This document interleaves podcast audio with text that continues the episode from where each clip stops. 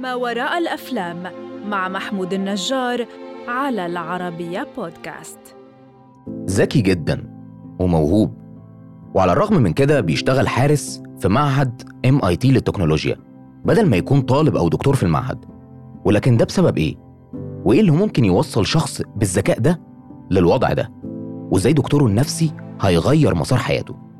ده اللي بيحكي عنه واحد من أفضل الأفلام اللي فازت بجائزه الأوسكار فيلم Good Will Hunting. والنهارده احكي لك عن ما وراء الثقة والمحبة والتميز. هحكي لك عن ما وراء Good Will Hunting. ويل هو بطل الفيلم وبطل قصتنا. بس مين هو ويل؟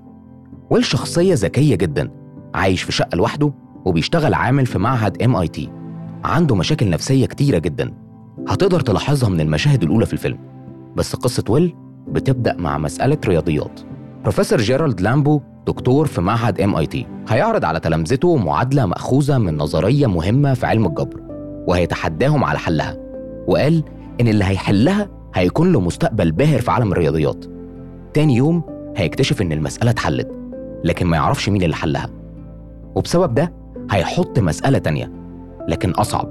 وهو خارج من المدرج هيلاقي العامل اللي هو ويل بيكتب على اللوحه فهيتضايق جدا وهيروح علشان يزعق له بس ويل بيجري منه وبيهرب.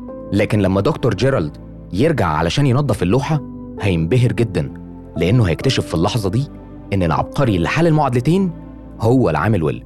ومن هنا بتبدأ رحلته علشان يخلي ويل شخص تاني بعد ما يلاقيه. في الوقت اللي هو بيدور فيه على ويل علشان يغير له مسار حياته هيكون ويل محبوس في السجن بسبب أعمال الشغب اللي بيعملها فبيخرجه من السجن تحت شرطين.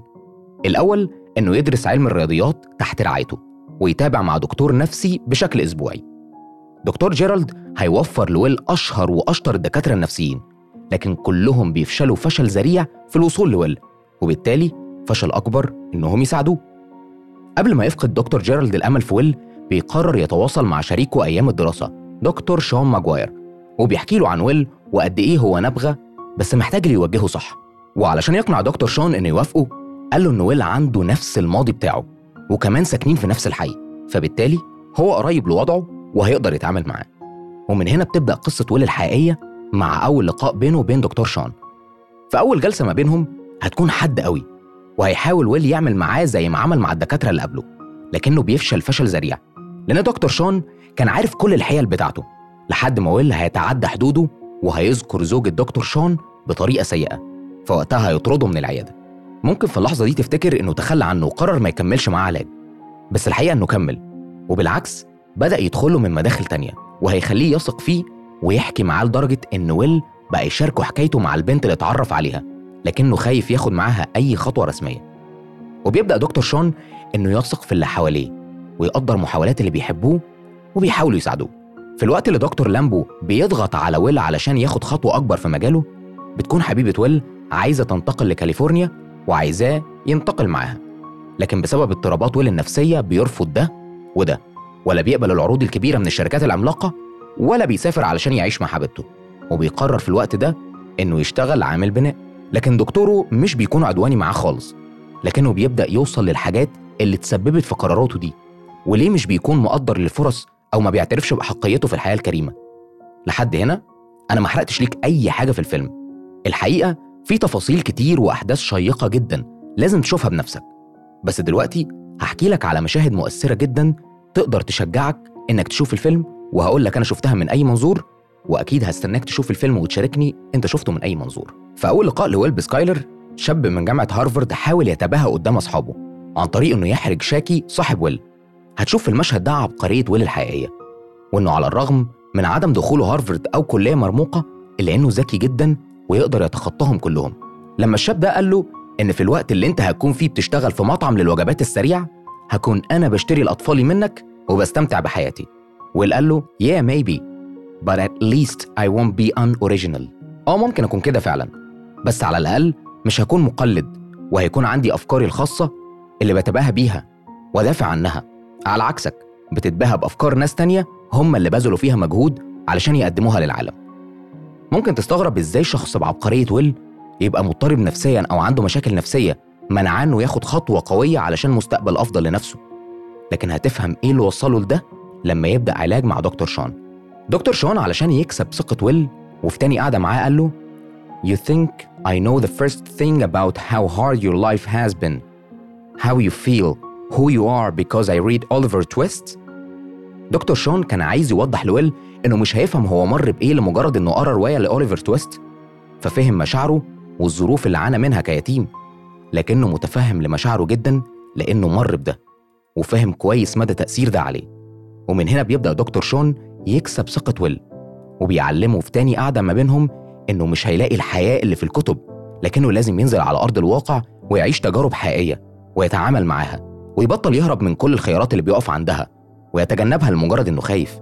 علاقة ويل بدكتور شون ما كانتش العلاقة الوحيدة المميزة لكن علاقته بحبيبته سكايلر كان ليها جوانب جميلة وصعبة وواضحة جدا. ويل الولد اللي ما كملش تعليمه حب بنت بتدرس طب في جامعة هارفارد وكمان متفوقة جدا في دراستها على الرغم إن ويل بيحاول يوضح لها في أول مقابلة إنهم مختلفين عن بعض لكن سكايلر كانت شايفاه مميز جدا لدرجة إنها في تاني لقاء ليه قالت له إنها حزينة جدا علشان اخذت كل الوقت ده علشان تلاقيه. فويل قال لها ويل you found me. في الآخر لقيتيني. ولمح ان علاقتهم مش هتكون سهلة بسبب اختلافهم عن بعض وماضيه اللي مش بيحب يتكلم عنه ابدا. لكن حقيقة الأمر إن ويل كان شايف إنه مش مناسب لسكايلر وإنه مليان عيوب كتيرة جدا. علشان كده دكتور شون قال له جملة جميلة جدا من أعظم الجمل اللي اتقالت في الفيلم. People call these things imperfections but they are not. They are good stuff. And then we get to choose who we let into our weird little worlds. الناس بيسموا اللي ناقصهم عيوب. بس الحقيقة مش كده إن دي حاجات كويسة. إحنا بس محتاجين نختار مين الأشخاص اللي نشاركهم ده. وبيأكد على كلامه وبيقول له You're not perfect sport. And let me save you the suspense. This girl you've met she's not perfect either. أنت مش مثالي. وعارف هي كمان مش مثالية. ممكن تكون بتسأل هل بعد كده نجح دكتور شون إنه يساعد ويل؟ الحقيقة مش حابب أحرق عليك النهاية. لكن من أكتر المشاهد العظيمة واللي هتخلد في ذاكرتك وهو بيقول له It's not your fault.